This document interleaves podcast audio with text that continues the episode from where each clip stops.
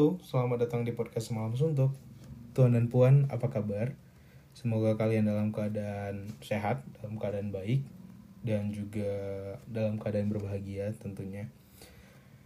Hah, sampai kita di episode pertama. Di episode kali ini spesial karena ini diambil, di take, eh, dan dipublish di tanggal yang sama, 2 Oktober 2022 episode spesial karena Hari Batik Nasional ya 2 Oktober 2022 dan juga hari ulang tahun yang punya lapak. Iya, hari ulang tahun aku. Jadi hari ini aku rencana bakal ceritain bakal bermonolog selama kurang lebih 21 menit untuk ngomongin selama 21 tahun hidup di dunia aku ngapain aja. Ide awalnya aku tuh mau buat episode khususnya gitu loh kayak fase-fase yang aku jalanin itu aku breakdown baru aku buat episode masing-masing. Di mana itu bakal bakal ada nantinya. Jadi di episode kali ini mungkin aku ngasih gambaran besarnya aja. Fase-fase yang kita bagi yang aku bagi yaitu fase pendidikan dari PG playgroup TK SD fase SMP dan juga akhirnya fase SMA dan mungkin sedikit menyinggung fase kuliah yang lagi aku jalanin. So mari kita mulai. Tapi sebelumnya aku mau kenalin lagi bagaimana dan kapan dan mengapa eh nama aku tuh Salman Ryan Sinulinga. Jadi eh aku Salman lahir 2 Oktober 2001 eh malam katanya based on my research ya. Aku udah nanya orang tua aku, aku lahirnya malam di sebuah rumah sakit di Medan namanya Rumah Sakit Elizabeth. Ya, rumah sakit uh, non Islam tapi aku Islam itu jadi aku lahir di Elizabeth um, diberi nama Salman Raihan Sinulinga sebenarnya aku punya nama nama dari bahasa Karo gitu karena kebetulan aku sukunya Karo dari ayah. Cuma aku lupa namanya apa. Mungkin nanti bakal aku bahas di episode yang PGTKSD ya. Di itu aku ada nama khusus cuma namanya lucu banget karena kan orang Karo itu uh, identik dengan nama yang pertama kali dilihat orang tuanya pas lahir. Makanya kalau kalian punya teman orang karo hmm, mungkin ada yang namanya cangkir kadang-kadang ada yang namanya kursi gitu-gitu. Ada namanya ribut. Itu gara-gara apa hal yang pertama kali pas anaknya keluar baru itu diberi uh, yang dan dirasakan atau dilihat dari orang tuanya. Jadi diberi nama yang aneh-aneh biasanya. Alhamdulillah aku enggak. Namaku Salman Ransun Lingga Salman artinya anak yang selamat. Uh, dulunya aku nggak tahu kenapa namanya bisa Salman. Belakangan aku baru tahu. Nanti bakal aku ceritain di fase kuliah. Uh, Raihan itu dari om aku. Uh, beri nama Raihan karena katanya dia dimimpiin. Atau di keluarga aku juga sering kalau punya keponakan atau apa itu ada yang dimimpiin gitu dikasih nama ini gitu. Hmm, percaya nggak percaya cuma aku dikasih nama Rehan. Jadi dipakai di nama aku Rehan dan Sinulingga itu datang dari uh, marga dari bapak aku. Jadi kalau orang uh, pemuda Karo atau Batak itu uh, diwajibkan untuk menurunkan marganya. Jadi untuk turun temurun marganya itu. Jadi di belakang namaku pakai Sinulingga gitu. Itu perkenalan singkat bagaimana namanya kok bisa Salman Ryan Sinulingga. Mari kita bahas fase PGTKSD. Aku datang dari keluarga yang uh, punya yayasan uh, perguruan gitu punya yayasan sekolah. Jadi orang tuaku mamaku awalnya itu kepala sekolah TK, TK dan SD di sebuah yayasan yang bersari yayasannya punya omaku gitu jadi yayasan keluarga. Kebetulan gak kebetulan sih. Ya pastinya aku disekolahin di yayasan tersebut. Aku playgroup di sekolah itu. Playgroup aku nggak ingat uh, ngapain aja di playgroup. Kayaknya kerjanya cuma main-main mandi bola baru pindah ke TK nah ini di TK yang agak menarik karena aku TK pindah dua kali. Berarti aku ngerasain tiga TK tiga taman kanak-kanak yang berbeda. Bukan karena prestasi atau bukan karena apa-apa karena ternyata dulu pas TK aku tuh bandel katanya. Aku dulu bandel katanya suka berantem pas TK jadi kan pertama aku TK-nya di Babarsari. Di Babarsari uh, dapat privilege karena kan kepala sekolahnya mama mama aku ya. Jadi ya aku bisa melakukan apa pun yang aku inginkan di sana. Uh, jadi kesayangan ibu kantin. Aku kalau datang ke kantin uh, kalau anak-anak lain pasti antri untuk beli makanan dan segala macam. Aku tuh didatangin malahan makanannya. Gila ya. Baru guru-guru pada segan guru-guru pada takut negur kalau misalnya aku buat salah. Dan itu ternyata berdampak buruk dengan apa dengan kelakuan aku di sekolah. Karena aku juga uh, di Babarsar itu lingkungannya itu kan dekat pasar ya. Kok di Medan pasar itu namanya pajak. Jadi anak-anak pajak itu sangat terinspirasi dengan uh, tontonan dulu. Kami pas kecil tuh namanya Smackdown. Jadi sangat suka main Smackdown sebenarnya. Main-main yang berkaitan dengan fisik. Dan aku kebetulan masuk di circle. Gila ya anak TK udah punya circle jadi aku masuk ke circle tersebut. Jadi anak yang bandel suka berantem. Kayaknya nggak ada satu hari yang terlewatkan tanpa berantem. Padahal TK itu kan TK itu kan sekolahnya dari jam 8 sampai jam 11 kan kadang atau sampai jam 10 cuma dua jam kadang. TK cuma katanya tiap hari tuh ada aja aku berantem kata orang tua aku ya. Kata aku cerita. Uh, abis itu uh, hal yang paling parah kemarin uh, pas TK itu aku nyiram minyak minyak bensin kali ya ke badan anak orang dan wah ekstrim banget ya. Dan ngeluari tangan anak orang dari bus. Ah itu itu puncaknya makanya aku dipindahin sekolah karena udah terlalu ekstrim dan uh, ibuku juga sebagai kepala sekolah kan nggak enak ya dengan orang tua orang tua lain. Nanti uh, takutnya selek nggak ngomongan sama orang tua lain. Jadi uh, aku yang dipindahin ke TK yang di dekat rumah. Nama TK di dekat rumah itu Insan Ikhlas Islamic School. Jadi masih dalam satu kawasan di Pancur Batu Sumatera Utara. Dan lingkungannya juga ternyata nggak berbeda nggak berbeda jauh nggak berbeda jauh. Jadi masih ketemu juga.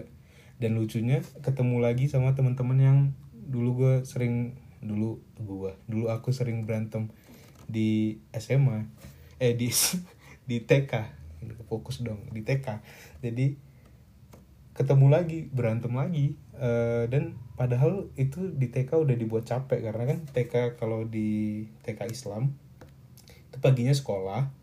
Uh, dari siang ke sore itu ada namanya MDA jadi MDA itu kayak madrasah belajar pelajaran Islam gitu-gitu. Rupanya dengan makin banyaknya waktu aku di sekolah makin banyaknya juga waktu aku berantem sama teman-teman. Uh, ada aja kegiatan.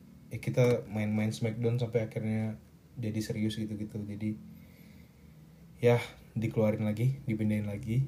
Uh, dan TK yang ketiga itu namanya Siti Hajar. Di Siti Hajar lingkungan yang baru karena itu uh, TK-nya mengarah ke daerah kota uh, di mana mungkin anak-anak uh, orang tua orang tua karyawan gitu kali ya karyawan yang baru menikah gitu anak-anaknya ditempatin di sekolah situ. Uh, sekolahnya juga relatif baru jadi lingkungan baru guru yang baru uh, mengubah banyak cara aku bertindak secara bersosial dengan orang lain gitu. Di situ aja jadi orang yang baik. Karena nggak ada teman-teman yang berantem tontonannya ternyata beda. Ternyata uh, apa ya uh, lingkungannya sangat berbeda. Jadi membuat aku berubah aja jadi orang yang lebih baik akhirnya uh, ketemu lingkungan yang positif uh, ya TK apa sih yang dilakukan TK ya main-main belajar baca belajar uh, menghitung. Dulu TK udah sempat ada ngitung loh. Karena dulu di beberapa SD itu ada seleksi masuknya itu kan baca dan tulis. Jadi uh, ada belajar sedikit-sedikit baca dan menghitungnya gitu. Uh, sampainya lulus TK uh, kita ke fase selanjutnya SD SD aku kebetulan di SD yang sama Siti Ajar. Jadi Siti Ajar Siti Ajar itu yayasan yang baru lagi. Dia satu yayasan dengan pesantren namanya Rodatul Hasanah uh, di Medan. Salah satu pesantren terkenal juga. Uh, baru dia ada sekolahnya SD SMP-nya itu TK SD SMP-nya Siti Hajar. Eh, dan relatif baru ya. Jadi aku dari TK teman-teman yang ada di TK itu kayak loncat pindah kelas aja ke SD jadi di SD dengan orang yang sama dengan lingkungan yang sama dengan guru-guru yang wah kalau Siti Hajar itu di saat itu ya itu guru-gurunya bertalenta semua. Bertalenta bukan berarti uh, maksud bertalenta itu gurunya itu bukan hanya sekedar mengajar. Gurunya itu bisa melakukan banyak hal. Ada yang guru yang jago ngeband ada guru yang uh, bisa ngelatih teater ada guru yang bisa banget konsep nari nggak tahu kenapa itu sekolah isinya orang-orang kayak seni semua. Ternyata belakangan aku tahu uh, kepala sekolahnya namanya Pak Rahmat. Ternyata Pak Rahmat sarjana seni. Dan dia ngajak temen-temennya yang jago-jago seni gitu uh, untuk jadi ya guru atau pengurus di SD-nya gitu. Dan di Siti Hajar di SD Siti Hajar uh, kegiatan-kegiatan di sana itu brilian brilian. Uh, mungkin detailnya bakal aku jelasin di uh, podcast fase PGTK SD nantinya. Uh, ada banyak kegiatan yang setelah aku gede aku sadari wah ternyata kegiatannya sangat ini ya sangat mendukung. Dulu tuh ada namanya uh, mendukung anak-anak untuk ekspor banyak hal. Uh, ada dulu kami itu nama kegiatannya assembly. Jadi kalau di SD kan dulu kan ada pramuka wajib ya. Tapi pramuka wajib kalau setiap minggu pramuka kan bosen. Jadi diselang-selingin sama mereka sama kegiatan assembly. Jadi di assembly itu satu angkatan. Misalnya nih ya uh, tuan dan puan dan aku misalnya kelas 3 SD misalnya 3 SD kan ada ada lokal namanya 3 ABC jadi yang 3 ABC itu satu angkatan selama satu minggu disuruh Eh, nggak uh, melakukan kegiatan belajar mengajar tapi disuruh mempersiapkan uh, mempersiapkan sebuah penampilan teater yang akan ditampilkan nanti di hari Jumat di jamnya pramuka yang diselang-seling dan itu gila itu menarik banget karena itu semuanya harus nampil kan. Uh, event yang pemalu-pemalu juga nampil. Aku belajar kayak ternyata nyesel juga ada rasa nyeselnya.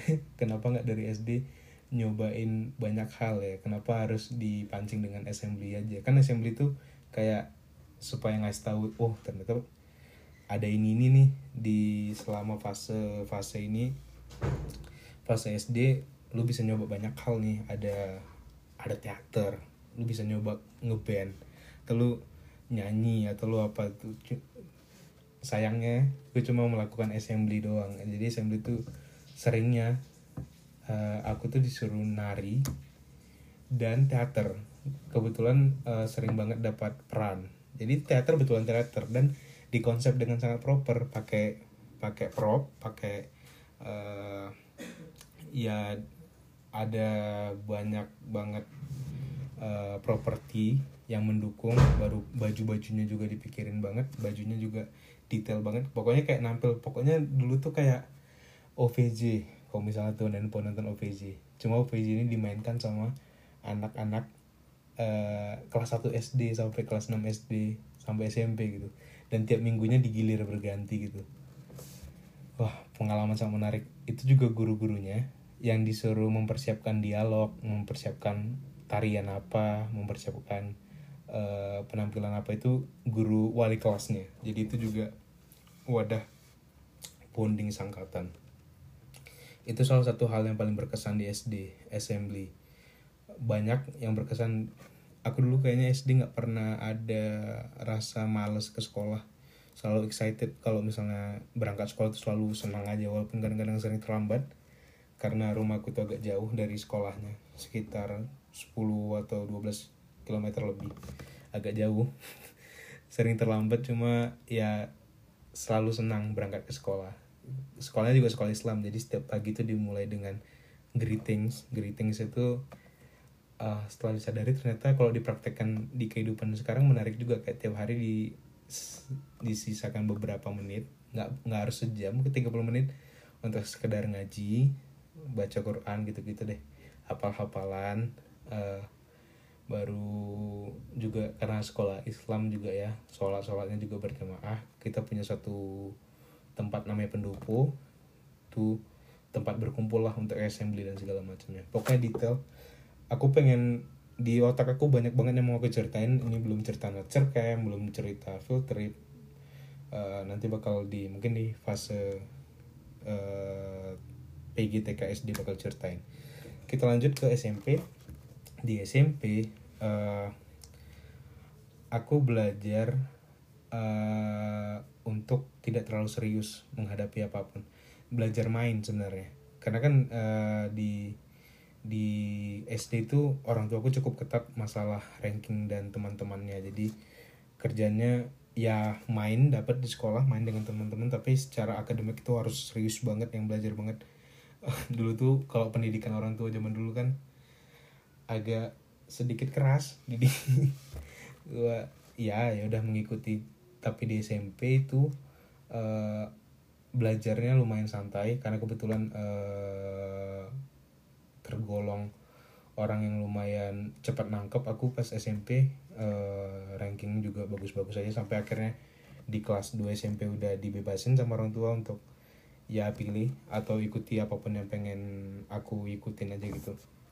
Di SMP aku belajar bermain secara tim. Di SMP aku masuk tim basket. Beberapa kali ikut turnamen basket di SMP uh, sangat menarik turnamen basket.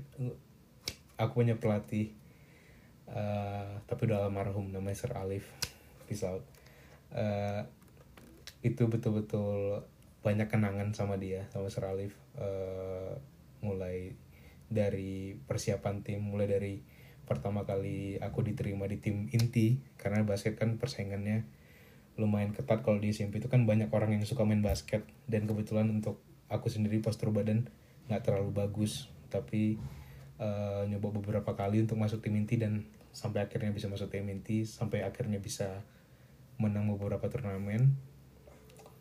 Itu uh, cukup berkesan. Uh, di SMP juga beberapa kali aku juga dapat ranking yang bagus di kelas. Pernah juga ranking satu kayaknya. Cuma lupa di kelas berapa pernah dapat ranking satu. So secara akademik nggak struggle. Secara pertemanan juga seru di SMP nanti bakal aku ceritain di fase SMP teman sekelas aku. Dulu kita tuh di SMP 1 Medan.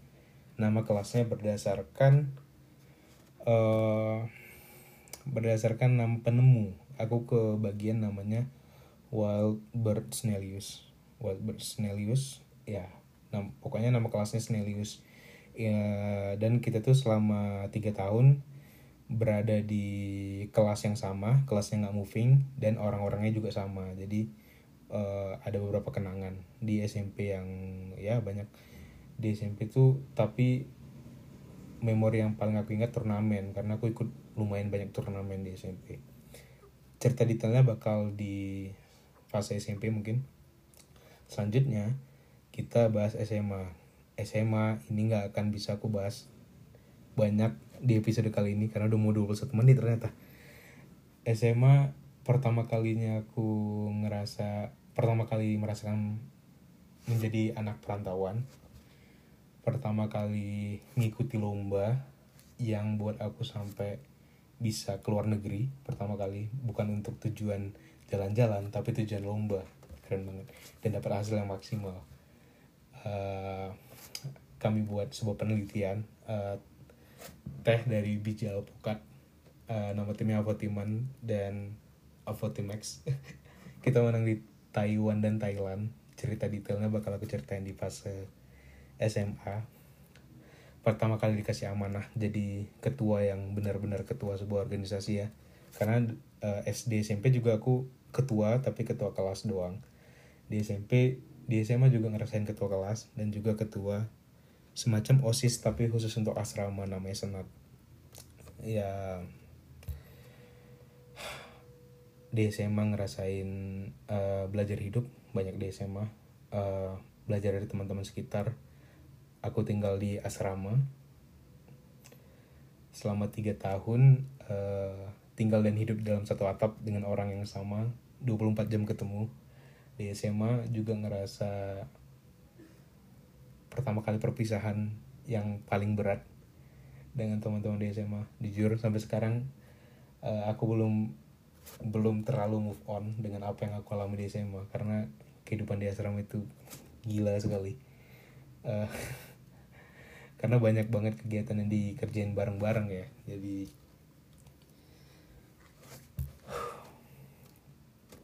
banyak kenangannya. Di SMA belajar berkoordinasi dengan orang lain berkoordinasi dengan orang yang lebih tua karena jadi ketua senat asrama juga ternyata banyak bebannya banyak banget. Bakal aku ceritain di fase khususnya. Uh, oh, udah mau 21 menit. Di extend aja lah ya biar dapat kuliah. Um, di SMA belajar menerima amanah karena aku banyak dapat amanah di SMA jadi ketua jadi perwakilan sekolah untuk ikut lomba uh, jadi perwakilan kelas kan kadang uh, kalau di breakdown kayaknya bisa sejam sendiri nih SMA ya intinya gue belajar hidup dari SMA uh, eh, banyak banget yang gue belajar dari SMA karena merantau dan ketemu orang baru ternyata semenyenangkan dan semenarik itu. Uh, gue bisa uh, aku bisa lihat banyak hal. Uh, di SMP 1 uh, SMP 1 Medan kita balik sedikit di Spencer Medan itu beragam tapi masih dalam satu wilayah yang sama maksudnya ketemu dengan teman-teman yang berbeda tapi dengan sekolah yang berbeda hanya sekolah yang berbeda tapi dalam satu kawasan. Di SMP 1 Medan di Matauli SMA Matauli gue ke, aku ketemu orang-orang yang berbeda dari setiap daerah yang berbeda. Pertama kali aku bisa sekelas sama orang Nias. Gak pernah kebayang aku bisa sekolah sama orang Nias pertama kali aku sekelas sama orang Padang Sidimpuan ini anak dari Medan. Pertama kali aku datang ke atau sekolah di Matauli juga diketawain sama teman-teman kayak eh man kan dari kota ngapain sekolah ke daerah? Uh, maksudnya di kota pendidikan juga maju sebenarnya paling cuma harus belajar bagaimana cara bersosialisasi supaya supaya nggak masuk ke pergaulan yang nggak baik di SMA SMA di Medan kenapa harus sampai ke kampung? Ternyata uh, yang aku dapatkan di Matauli itu wah sangat sangat penting dan sangat uh, mengajari banyak hal. Karena di Matauli itu kan daerah kalau kalian tuan dan puan mau tahu itu daerah di Sibolga di Tapanuli Tengah pesisir Sumatera Utara. Itu nggak ada apa-apa itu kota juga Indomaret cuma satu. Karena uh, dulu kami itu punya inside jokes kalau ngelihat kota yang berkembang itu harus ngelihat dari dari ini dari jumlah Indomaret Indomaret atau Alfamart atau ya semacamnya itulah yang ada berapa di kota tersebut. Dan tahun pertama aku di Matauli kayaknya cuma punya satu Indomaret dan Indomaret itu bersaingnya sama kayak supermarket yang lebih gede gitu-gitu. Dan itu kota nggak ada apa-apa selain keindahan alam. Karena dia menang karena punya pantai. Dan juga sunset di Matauli masih paling juara. Aku juga masih uh, kuliah di Bandung. Tapi sunset di Bandung kayaknya nggak ada apa-apanya sama sunset yang ada di uh, Matauli. Yang pas aku di Matauli. Itu bagus banget. Dan sunset cantiknya uh, keindahan sunset itu nggak cuma di satu hari di setiap hari. Jadi sampai sampai ada rasa kadang-kadang kan orang orang kan banyak excited ngelihat sunset sama apa sih sunrise ya? Sunset sunrise di Sibolga di Matoli mungkin biasa aja tapi sun sunsetnya yang bagus banget itu apa sih istilahnya? Mega mega merah apa sih istilahnya itu? Kalau langit cantik banget eh, nggak uh, harus jauh-jauh pergi ke pantainya aku bisa lihat dari uh, kamar asrama. Dari dari sekedar berdiri di uh, balkon asrama udah ngeliat. Dan uh, fun fact asrama kami dulu di Matauli itu tuh gedung kedua tertinggi di kota itu. Jadi uh, luna aku naik aja ke lantai 4 uh, asrama Matauli aku bisa ngelihat uh, satu kota pandan. Setidaknya ya satu kota pandan sekolahnya juga sangat alam. Uh, dikelilingi bukit Matauli itu juga eh, tempat evakuasi karena kan dekat sama Nias ya. Jadi dulu kayaknya kalau bencana alam kami tuh di Matauli setiap tahun kayaknya bakal ngerasain gempa. Karena kalau gempa di Padang kami ngerasain di Sibolga ngerasain kalau gempa di Nias di Sibolga lebih ngerasain gitu. Jadi bencana alam dulu udah kayak biasa. Sampai yang paling menarik pernah ditipuin pernah satu sekolah panik jam berapa ya? Jam 2 jam 3 subuh dibangunin karena isunya bakal ada tsunami. Dan itu airnya betul-betul apa sih istilahnya pasangnya betul-betul naik gitu. Jadi apa sih istilahnya pasang surut pasang naik. Nah gitu-gitu deh. Pokoknya air- airnya udah nggak ada bang.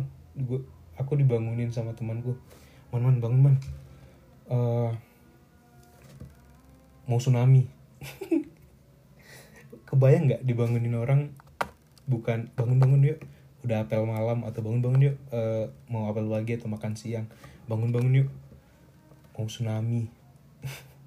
Satu asrama heboh banget.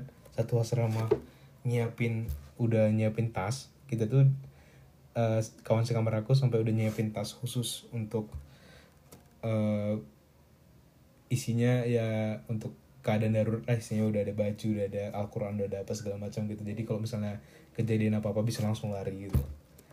Ah sangat menarik. Nanti kita nanti bakal aku bahas di sesi sendiri SMA hmm. di kita jeda sebentar karena lagi azan Ya, mari kita lanjutkan. Tadi ada jeda azan. So ya, eh, kurang lebihnya kayak gitu. Fase SMA mungkin nanti bakal kita bahas di episode khususnya. Sekarang eh, aku mau sedikit cerita bagaimana akhirnya aku bisa kuliah di Bandung. Padahal nggak ada rencana sama sekali. Em, sebelumnya aku datang dari SMA yang eh, fokus utama anak-anaknya itu kalau kan kita dibentuk dari lingkungan ya. Lingkungan itu pada pengen ngelanjut lan- melanjutkan studinya di kedinasan semacam sekolah-sekolah pemerintahan kayak IPDN atau mungkin Akpol, Akmil, eh, apalagi Stan.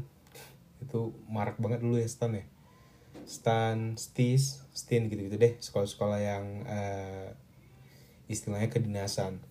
Eh, dan aku terikut juga karena aku dulunya juga persiapannya untuk kedinasan nggak mempersiapkan sama sekali untuk eh, kuliah di PTN atau PTS gitu. Jadi persiapannya khusus untuk kedinasan.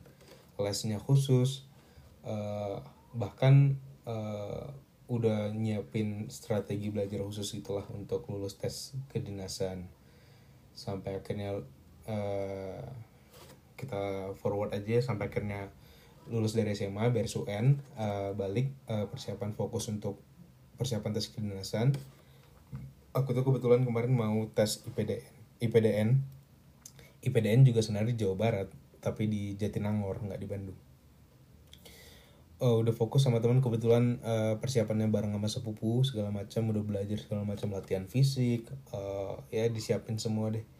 Sampai akhirnya ternyata di angkatannya aku itu aku angkatan angkatan angkatan 2019 itu eh sistem tesnya untuk tes kepribadiannya. Dia jadi kan kalau tes awal kedinasan itu kan ada TU, TKP, TWK TW- TWK itu wawasan kebangsaan TU itu intelijensia umum eh, TKP kepribadian. TKP ini sebenarnya tes yang nggak pernah ada masalah dari tahun-tahun sebelumnya karena eh, tes yang sangat mudah hanya dari jadi dikasih sebuah keadaan eh, baru ditanya respon kita bagaimana. Dari ada empat opsi ada 4 sampai lima opsi ditanya eh, opsi mana yang kita pilih.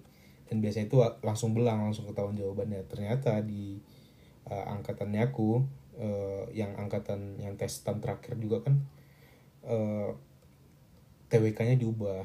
Kurik nggak tahu kurikulum apa istilahnya ya. Format pertanyaannya diubah. Jadi dari lima pilihan itu mirip semua.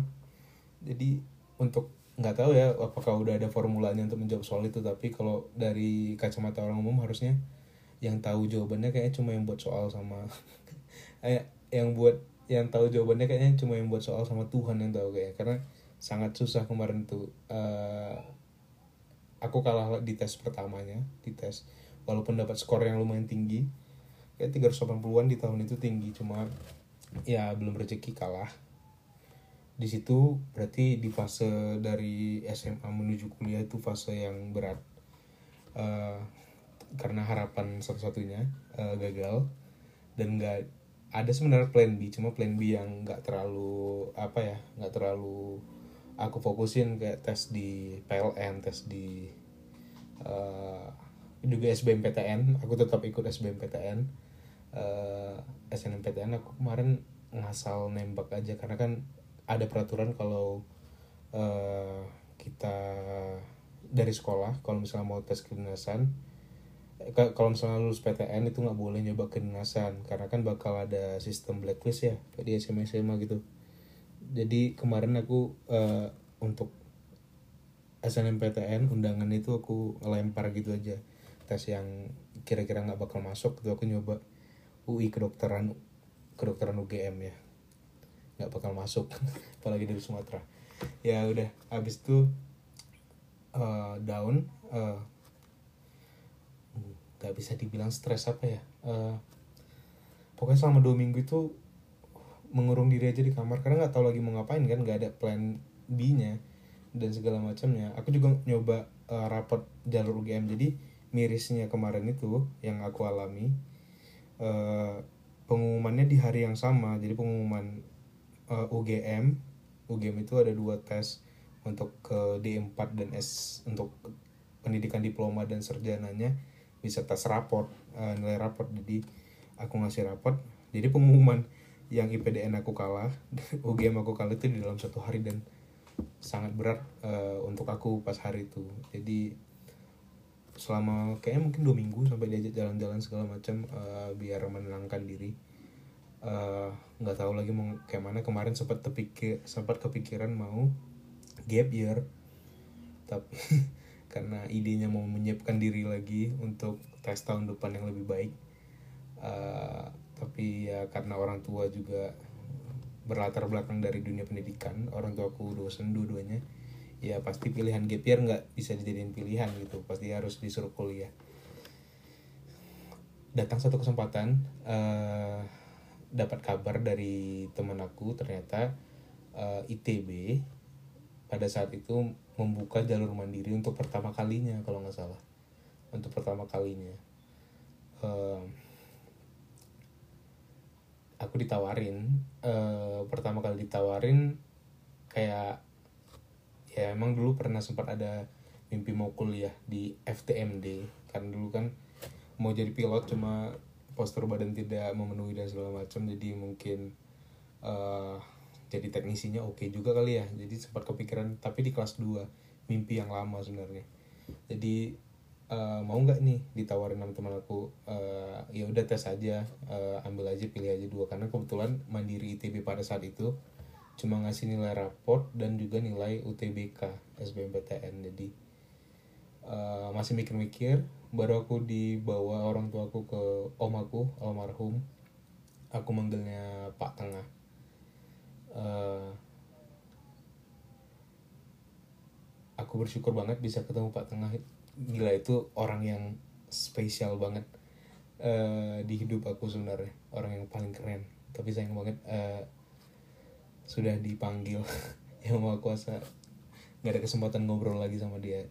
Ngobrol sama Pak Tengah itu selalu jadi momen yang sangat uh, menyenangkan. Karena dia sangat orangnya pernah ada di posisi yang paling jatuh sejatuh jatuhnya baru tiba-tiba bangkit sebangkit bangkitnya dan dia punya banyak banget cerita. Dia kayak kok cerita susah dan cerita senang sama dia tuh ada segudang. Kita tinggal pilih mana nih yang mau diceritain sama kita gitu.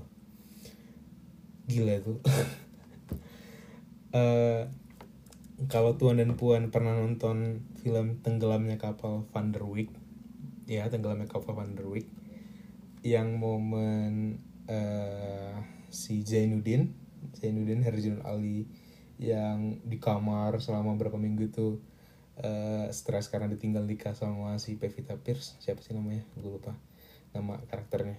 Aku lupa nama karakternya pokoknya. Uh, dan uh, Zainuddin udah selama dua minggu udah kayak dua minggu atau berapa lama gitu di kamar terus nggak mau keluar nggak melakukan aktivitas apa apa yang sebagaimana apa yang aku alami pada saat itu baru tiba-tiba datang seorang yang ngajak dia ngobrol dan ngetuk uh, pintu hatinya untuk memulai hal baru. Uh, namanya Bang Muluk kan kalau di tenggelamnya kapal Van der Wijk Bang Muluknya aku itu Pak Tengah aku. Jadi dia yang kayak buka. Jadi selama uh, bingung mau ngapain uh, pas uh, kalah tes uh, semua orang datang. Semua orang datang ke aku cuma uh, semua yang datang itu treatmentnya selalu sama. Selalu kayak eh, udah ada nggak apa-apa uh, masih banyak hal yang baru yang bisa kita coba. Masih banyak hal yang baru yang bisa kita coba. Uh, ya udah nggak apa-apa nangis dulu nangis gitu-gitu. Kalau aku kalau digituin makin nangis harusnya makin sedih makin uh, terbawa suasana terharu. Nggak bangkit bangkit jatuhnya kalau digituin. Jumpa dengan Pak Tengah ini hal pertama kali yang dia ngomongin dia cuma bilang jadi aku datang sedikit penggambaran theater of mind turun dari mobil dia udah duduk dengan uh, teh manis dan pisangnya. Dia dari jauh dia bilang sakit ya? Sakit. Lagi ngerasain apa man lagi sakit ya? katanya. Sakit banget rasanya. Gue kayak hah? Apa apa ini? Gue baru gue duduk baru aku duduk aku dengerin. Ya, iya Pak Tengah uh, udah dua minggu kayak gini sakit ya. Masih banyak kan lebih sakit di dunia. Ini ini cuma cuma milih masuk kuliah doang sakit. Ntar nyari kerja ntar bangun keluarga ntar hidup ngidupin orang ngidupin diri sendiri.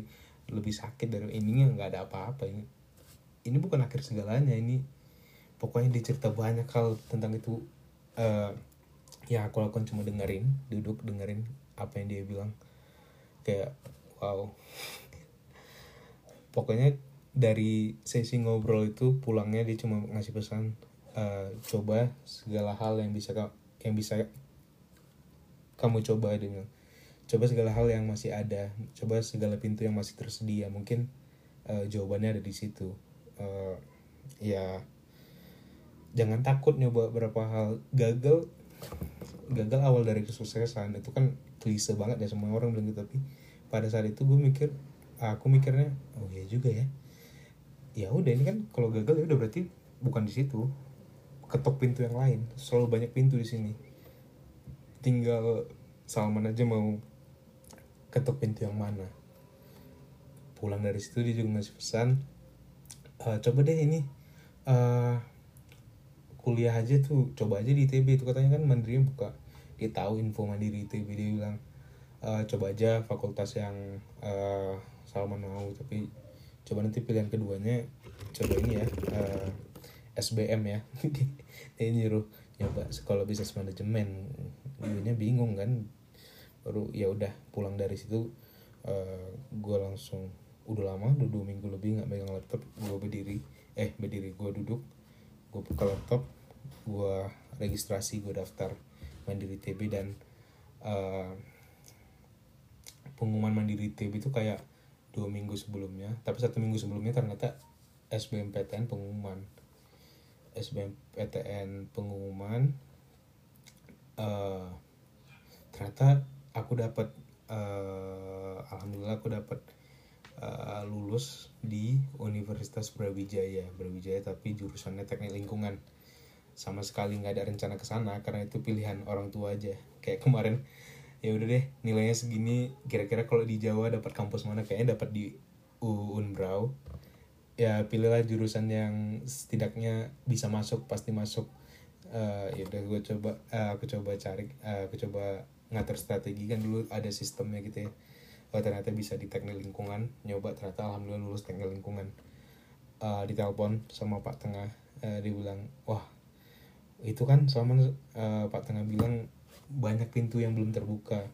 Uh, tapi pak tengah masih penasaran lah kayaknya di itb eh, kapan pengumumannya. ITB mungkin satu minggu lagi pak tengah. Oke kita tunggu yang itu ya man. Posisi dia dia selalu nanyain aku begi, gimana perkembangannya perkembangan tesnya dan perkembangan pengumumannya. Dan akhirnya harinya datang pengumuman di ITB datang. Uh, kami sekeluarga punya tradisi kalau buka pengumuman apa pun itu bukanya di subuh. Uh, selesai subuh pokoknya selesai subuh dibuka atau di pagi-pagi hari sebelum mulai segala hal gitu. Jadi dibuka di pagi itu uh, alhamdulillah lulus terima di eh, FTMD FTMD-nya ITB uh, gue langsung nelfon Pak Tengah. Itu hari yang sangat menyenangkan kata Pak Tengah. Ini hari yang sangat menyenangkan man karena sebenarnya Pak Tengah nggak ngerti kenapa kenapa kamu mau nyoba IPDN potensimu ada harusnya kau bisa nyoba banyak hal yang lebih katanya. Gue kayak mungkin ini salah satu pintu yang uh, disediakan ya aku masuk. Dan belakangan aku tahu nama aku Salman. Aku baru tahu kalau di ITB ada masjid kampus namanya Masjid Salman. Ternyata nama aku bukan sekedar uh, diambil dari internet uh, oh Salman artinya anak selamat udah diplot namanya Salman. Ternyata enggak ternyata nama Salman itu datang dari uh, mamaku uh, udah dipersiapin dari lama untuk anak pertama laki-lakinya. Nama Salman uh, diambilnya pas dia uh, melakukan studi banding ke ITB pas kuliah. Dia bilang uh, dia kepengen punya anak yang kuliah di ITB kebetulan dia punya anak laki-laki pertama dia beri nama Salman dan ya ternyata takdirnya di ITB nggak tahu uh, apakah itu kebetulan atau segala macam tapi ini hal yang terjadi sekarang. Kita kuliah di Bandung. Pas kuliah agak berat diceritakan. Gue aku tahu ini um, fase kalau tadi fase peralihan dari SMA ke kuliah itu berat karena banyak drama-drama tes dan segala macamnya. Kalau di fase kuliah ini uh, yang aku rasain tuh uh, berat banget sebenarnya. berat banget nggak tahu kenapa kayak uh, banyak sekali hal-hal yang aku alami selama kuliah yang tidak sejalan dengan apa yang aku inginkan. Jadi sebenarnya agak berat tapi apa pun itu yang kita lakuin ingat kata uh, Pak Tengah selalu ada pintu uh, selesaikan apa yang udah kita mulai. Jadi ya tahu nih kuliah berat banget kuliah ternyata kuliah di ITB berat banget. Menurut aku pribadi ya perspektif orang beda-beda. Yang penting jalani dulu aja diselesain uh, baru kita coba uh, ya kejar apa yang kita inginkan tit. Oke. Okay. selesai fase kuliah. Nanti bakal ada sesi sendiri yang bahas lebih fokus fase kuliah. Sekarang uh, sebelum menutup podcast ini aku sedikit uh, bercerita tentang sebenarnya Salman pengen jadi apa sih? Sebenarnya uh, sebenarnya dari SMP aku udah bilang. Bahkan di SMA juga aku udah bilang sebenarnya aku itu pengen banget kerja atau merasakan uh, pengalaman bekerja di industri film salah satu jokes sebenarnya sama orang tua karena ya oke okay. kuliah film mahal cuma untuk uh, ya pastinya kalau orang-orang tua yang dari Sumatera berpikiran pasti anaknya pengen jadi dokter anaknya pengen jadi insinyur anaknya pengen kerja di apa jadi hukum supaya bisa jadi pengacara dan segala macam yang profesi yang benar-benar profesi yang istilahnya bahasa Sumatera duduk yang istilahnya jelas uh, eksistensinya jelas uh, nampak hasilnya gitu. Selalu pengen. Uh, mungkin di masa depan harusnya kita harus nyoba sih kalau ada kesempatan bakal aku coba pasti uh, untuk jump in ke ke industri film. Mau di belakang layar mau di depan layar nanti kita rencanain. Yang penting uh, fokus dulu dengan apa yang lagi kita hadapin sekarang. Selesaiin apa yang kita mulai kuliah yang diselesain man. Uh, hidup akan selalu berat tapi kalau hidup berat berarti uh, level kita mau dinaikin aja. Uh, kayak filosofi games games kan kalau levelnya makin tinggi kan makin berat lawannya. Baru uh, kita juga value yang mainin juga pasti lebih lebih upgrade lebih jago harusnya. Setidaknya itu yang aku tahu dari game uh, ketuaan dan puan pemain game Mobile Legends dan segala macam apakah seperti itu aku juga nggak tahu. Uh, yang penting selesaikan apa yang udah dimulai uh, baru untuk ke depannya. Umur udah 21 tahun uh, selama bertambah umur. Semoga ke depannya uh, tidak ada keraguan kita untuk memulai apa pun yang ada di pikiran kita.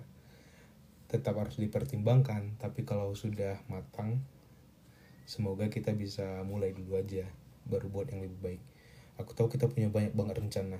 Ini podcast salah satu rencana yang mungkin sudah terwujud tapi uh, konsistensinya harus tetap dijaga. Uh, wadah untuk cerita wadah untuk ngobrol sama diri sendiri wadah untuk berbagi uh, dimanfaatin dengan baik ke depannya. Uh, belajar bersosialisasi dengan orang lain lagi. Gitu aku tahu kita udah lumayan berbeda nih. Uh, gimana ya? Rasa bersosialisasinya karena kemarin pandemi kasihkan sendiri ternyata agak berdampak dengan sekarang. Udah situasi normal malah masih kasihkan sendiri. Ingat uh, cari relasi sebanyak banyaknya cari teman yang sefrekuensi uh, agar mudah-mudahan uh, proses dari umur 21 tahun ke selanjutnya itu bisa berjalan lebih menarik dan lebih banyak value yang didapatkan. Mungkin itu aja harapannya. Uh, selesaiin kuliahnya belajar yang benar uh, kalau waktunya tidur tidur.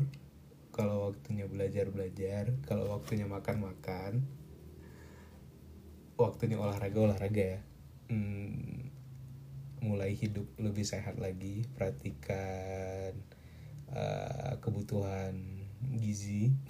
Jangan makan makan yang sembarangan karena makin tua tentu kebutuhan uh, makin tua tentu lebih beresiko kalau kita makan makanan yang junk food dan segala macamnya